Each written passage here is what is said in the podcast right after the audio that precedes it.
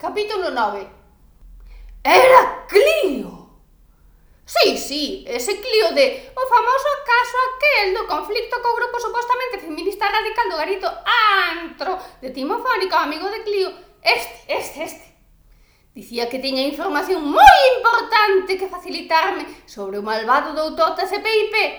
Non quixo dicir máis por teléfono, Citoume pasada unha hora nunha cafetería que supostamente estaba no mesmo sitio que o garito aquel antro de timofónica, pero que agora estaba en plan cafetería pija cara, por suposto. Xa case non lembraba onde estaba o garito aquel, tiven que agardar a que o investigador, que era tan bo que todos dicían que era la polla, pero eu son demasiado fina para repetir semellante cousa. Eh, Rematar de falar co despistado doutor Zixer 650 para entrar no seu despacho e preguntarlle se tiña o enderezo por algures no seu superficheiro. É que o tío levaba control de até o máis mínimo detalle, porque o, o último que sabía de Clio é que traballaba nunha axencia publicitaria e que estaba especializado en anuncios curtos radiofónicos, xa sabedes, destes que poñen no medio dos partidos e tal. Agardei porque Celia me atrancou a porta, porque eu non me corto nada, pero a tipa esta, perdón, a nosa secretaria tan eficiente, cando anda colgada, perdón, cando toma demasiadas infusións relaxantes das súas, dalle polos comportamentos obsesivos e pause dun profesional. Un kit de reparación de medias de rejilla, un par de guantes de seda rosa fucsia, un paquete de maíces blandito, Outro tacón! Unhas pinzas de depilar, rímel, purpurinas varias, unha camiseta das supernenas. Papi, a nosa executiva de alto nivel favorita estaba dos nervios. Non puido seguir ali mirando como saían cousas daquel buraco negro sin fondo que tiña mariposa, a nosa happy flower favorita, por bolso. Que se o chegas a ver, mercallo en lugar de alugar aquela nave industrial no polígono para a nova planta de produción da súa empresa.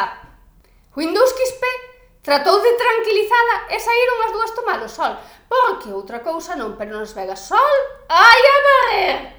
Foron tomar algo a un restaurante que había por ali que lle recomendara moi ferventemente a Nao, a nosa executiva agresiva favorita que controlaba o hotel casino e arredores gracias a un desliz do anterior controlador. E que era o único que non parecía unha hamburguesería destas que poñen sabe Dios que? E que as nosas heroínas en particular odiaban.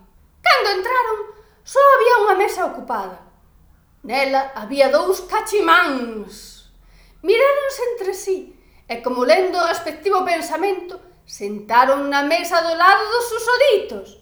E tendo en conta que o resto do restaurante estaba baldeiro, porque o restaurante era grande como a Argentina, era un cante.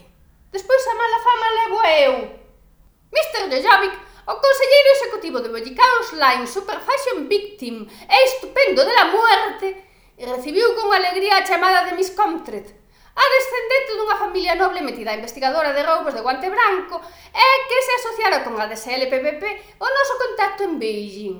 Pese a que levaba con man firme a empresa, Non era un dictador en absoluto, máis ben todo o contrario, e menos unha vez que Dinámico delegara nel porque se ia dedicar ás labouras de investigación colaborando co investigador. Porque eu tampouco era de gran axuda. Iso dicía o investigador, porque eu son do máis eficiente, estou estupenda, son super modesta. E Crawford seguía a lupo pola Riviera Francesa cun home moi importante do que digo as iniciais J.M. porque total ninguén me paga exclusiva e polo menos dou o meu gusto de dicilo por puro amor ao cotilleo e xa.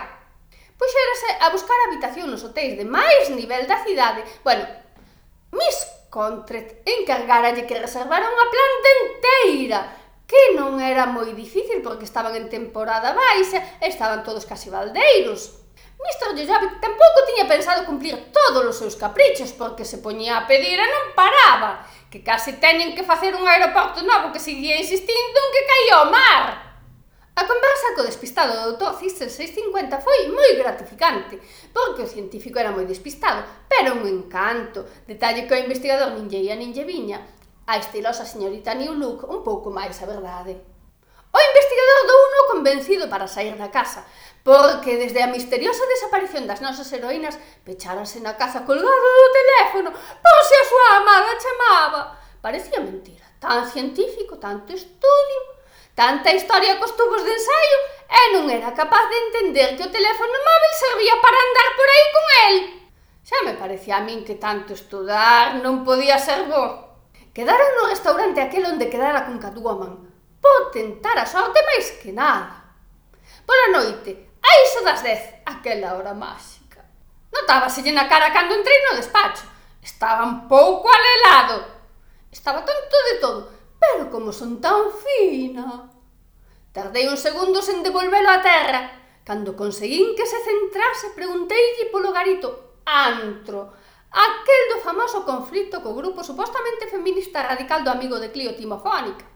Preguntoume a que viña esa pregunta tanto tempo despois. Porque ali o único que había agora era unha cafetería de moito requinte e xa non quedaba rastro no algodón das escuras e distraídas actividades que se realizaban ali noutrora.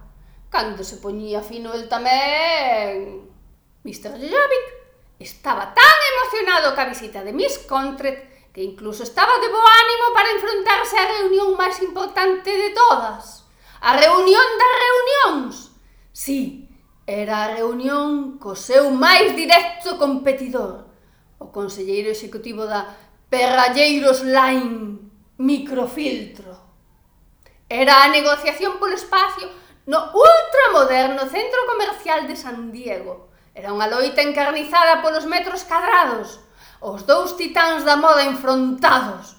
O xerente do ultramoderno centro comercial de San Diego, un tal Baguas, que xa tiña o nome o xeito e estaba lixeiramente asustado, moi asustado moito. E non puido dormir desde o día en que tiña que mediar entre os dous titáns da moda galega. Tanto foi así que non lle quedou outra que falar con Bruxiña, a nosa amiga favorita, para que lle dese un preparado de ervas tranquilizantes. Non relaxantes como as de Celia, non confundades. Que ademais de tranquilizalo, Curáronlle un principio de reuma, equilibráronlle o ton da pel reactivando a melanina e 50.000 cousas máis, porque os preparados de bruxiña eran algo así como a aspirina natural, valían para casi todo.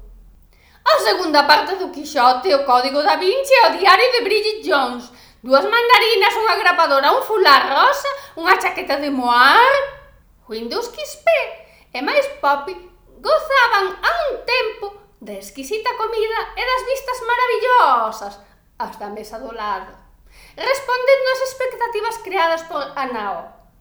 Recibiran unha mensaxe da estilosa señorita Liuluk para quedar nunha sala de festas do centro. Bueno, de máis ao centro, porque nas Vegas todo é centro, porque todo está entre dúas beiras rúas.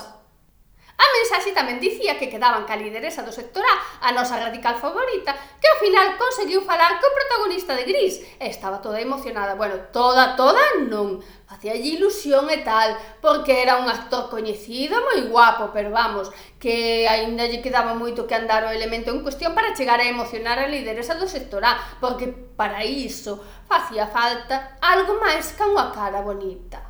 E non me refería ao cu mal pensadas un destornillador de estrella, dúas puntas de aceiro, un gato hidráulico portátil, dous móviles con cámara, un paquete de panos de papel, unhas natillas e por fin, por fin,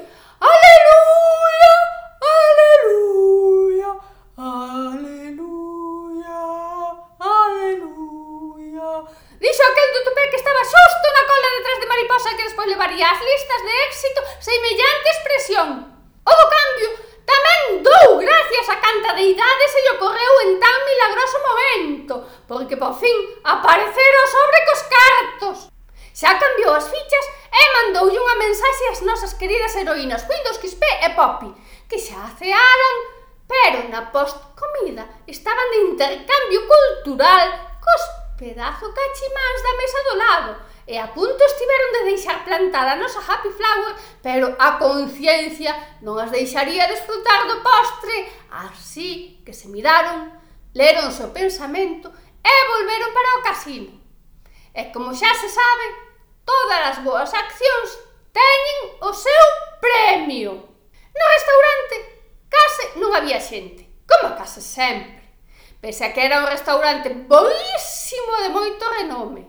Igual estaba baldeiro, porque tamén era moi caro, carísimo, pero a hostia de caro. Perdón, excesivamente caro. O investigador chegou puntual, con esa puntualidade elegante de chegar uns minutos antes. Total, para qué? O despistado doutor Fixer 650 non fora puntual nin canto naceu que chegou cun mes de retraso e porque o sacaron que a súa nai xa non podía máis. O investigador estaba nervioso, pero non sabía discernirse pola emoción de volver ao sitio daquela maravillosa cita ou por sentir remorsos. No fondo sentíaos por utilizar vilmente. Bueno, vilmente non. O despistado doutor Zixel 650 para contactar con Catwoman. Pero o seu corazón era o que mandaba din algúns despiadados que no amor e na guerra todo vale. Cousa totalmente inhumana, menos cando é unha mesma que o di. E o fai claro. O primeiro liu o xornal. Despois xa se fartou de ver as mesmas noticias de sempre e púxose a observar o resto dos clientes. Non podía ser. O investigador dixera as señas exactas do café de alto requinte no que se convertira o garito antro. Aquel do amigo de Clío. Eu cheguei tarde. Non, pois non. Non foi por facerme derogar. É que a medio camiño, que eu ia con moito tempo, sempre puntualísima de la muerte, pero a medio camiño, como dicía, atopeime co detective super segredo do CSI por casualidade, claro. Iso era o que el me facía creer. Pero un ano nacigonte que desde que me rescatou o noso querido afgano hasta este momento xa espabilara algo, que xa chovera moito. Despacheino de seguido. O que me custou foi despistado, porque tamén me seguía, xa sabedes, porque lle coincidía de casualidade ir polo mesmo camiño que a min, claro. Pero era, sí, era ela, aquel ombreiro coberto de coiro negro era inconfundible para o noso investigador Que era tan bo que todos dicían que era a polla, pero eu son demasiado fina para repetir semellante cousa. O despistado doutor Fixel 650 non daba chegado. O investigador miraba o reloxo con esperanza a ver se non viña ou que xa non viñese. Pero non tivo sorte. Cando estaba no punto de estiramento de pescozo máximo que lle permitía a elegancia para tratar de verlle a cara a suposta Catwoman para confirmar as súas sospeitas, tropezou co despistado doutor Fixel 650 ca súa mirada inocente, sen decatarse, de que non era ela quen buscaba, nin por quen agardaba en realidade. O investigador tivo que facer uso de toda a súa forza de vontade para escoitar o que lle estaba contando o doutor. Ninguna triste chamada da estilosa señorita New Look, pero que ninguna triste chamada. O investigador non lle extrañaba, ou si, sí, porque a peso o desastre de mozo que tiña a señorita New Look sempre se mostrara atenta e cariñosa. O ombreiro feminino coberto de coiro permanecía inmóvil. O investigador supoñía que escoitando. Por iso trataba de mostrarse o máis atento e cabaleiroso posible. Que o era, que o era, non estou dicindo o contrario. Na ruleta, Mariposa estaba arrasando gracias aos seus infalibles cálculos matemático-físicos. Windows Quispe e Poppy mirábanse preocupadas, non porque se sentisen acosada por aqueles cachimáns que non facían máis que cumplirlles os caprichos e regalarlles centos e centos de fichas, senón porque o tipo que se encargaba da ruleta parecía nervioso, preocupado e cada vez que Mariposa acertaba, facía un amago de premer un botón vermello que tiña á súa dereita e mirar cara arriba cara a aquel espello de deseño tipo romano, que era unha horterada tremenda. Mariposa non facía caso ás sutis advertencias de Windows para que cambiase de xogo. Mira que Windows lle dicía que había tres matóns mirándoas mal, que levaban pistolas, e quen sabe que máis armas segredas, que lle ia destiñir o tinte, que se lle ia notar as raíces, pero nada que Mariposa estaba estupenda de calquera maneira non se asustaba facilmente. O que levaba a mesa estaba cada vez máis nervioso. A nao, a executiva agresiva que se fixera co control de toda a instalación gracias a un desliz do anterior executivo agresivo, non daba sinais de vida. Poppy decidira sair, chamou a lideresa do sector A para tomar algo por aí. A lideresa do sector A non o duvidou, quedou con Poppy en 15 minutos, deixou plantado plantadísimo o protagonista de Gris Porque era moi guapo, tiña un cugue, sen comentarios. Uns ollos que, que sí, que sí, que tamén lle mirou a cara de escándalo. Pero era un plaste insufrible. Empeñábase en cantarlle as cancións románticas e como que non lle ia moito o tema. Clio Sí, sí, ese Clio daquel conflicto co grupo supostamente feminista radical do garito Antro, do amigo de Clio, este, este, Timofónica. Cando cheguei díxeme que levaba agardando 20 minutos a que xa me valía. Por suposto, non me afectou o comentario, porque unha é unha muller fría calculadora e ademais porque cando estaba a 20 metros, ben que o vin entrar que era el, e que non había nin dous minutos. Homes! Pasoume unha carpeta negra de coiro. Non, esta non era Catwoman. A ver se nos centramos. Eu botei a man porque pensei que era para iso, pero en canto me viu as intencións dou un golpe arriba da carpeta impedíndome abrila. Miroume os ollos e dixo que se a abría non había volta atrás. O que lese tería que ser capaz de asumilo, non sería fácil esquecelo. Eu o escoitar o que me estaba dicindo, ademais que o dicía con aquel misterio É que me estaban dando unhas ganas de apartarlle a man a cuchilladas ou así, menos mal que unha é pacífica e non o fixen, porque el non apartaba a man e seguiu dicindo. A lideresa do sector A agradeciu a chamada de Poppy. Xa non sabía como desfacerse daquel plasta e precisaba tomar algo tranquilamente. Pero cando se xuntaron, a lideresa do sector A notou que Poppy estaba moi alterada A lideresa do A tratou de tranquilizala e cando o conseguiu, Papi contoulle o que estaba ocorrendo no casino. A nosa radical favorita, que xa coñecía a mariposa do tempo que levaban traballando xuntas contra a injustiza do mundo, sabía perfectamente que ningunha advertencia conseguiría freala. Cando se poñía con algo, facíao con todas as consecuencias, a dalo todo que diela. Contra do que esperaba Poppy, A lideresa do sector A decidiu porque ela era así que debían volver ao casino, porque se a cousa era como lle contara, Window ia precisar reforzos. A estilosa señorita Newlook, despois da súa habitual saída nocturna, que o fai por necesidade non por vicio mal pensadas. Con éxito, afortunadamente, non lle tocara ningún daqueles das hamburguesas que lle dixera Lord Guille. Tratara sen éxito de porse en contacto co despistado doutor Zixel 650 en multitude de ocasións. A única resposta que obtiña era aquel desesperante. El móvil al que llama está apagado fuera de cobertura. Na na na na, na na na na. E porque ela é toda unha dama. Que se non xa tiña mandado a compañía telefónica dar unha volta por Casablanca ou así? É porque ela era toda unha dama Non mandaba dar unha volta por Casablanca ou máis lonxe o doutor 6650, porque igual deixara o móvil na nevera ou quen sabe onde. Chegou ilusionada ao casino, onde viu as súas compañeiras na mesa da ruleta, tan estupendas como sempre, pero cun certo aire de preocupación, que non é que se lles notase moito. Non tiñan o pelo de punta, nin olleiras profundas, nin se estaban agarrando do pescozo unhas a outras.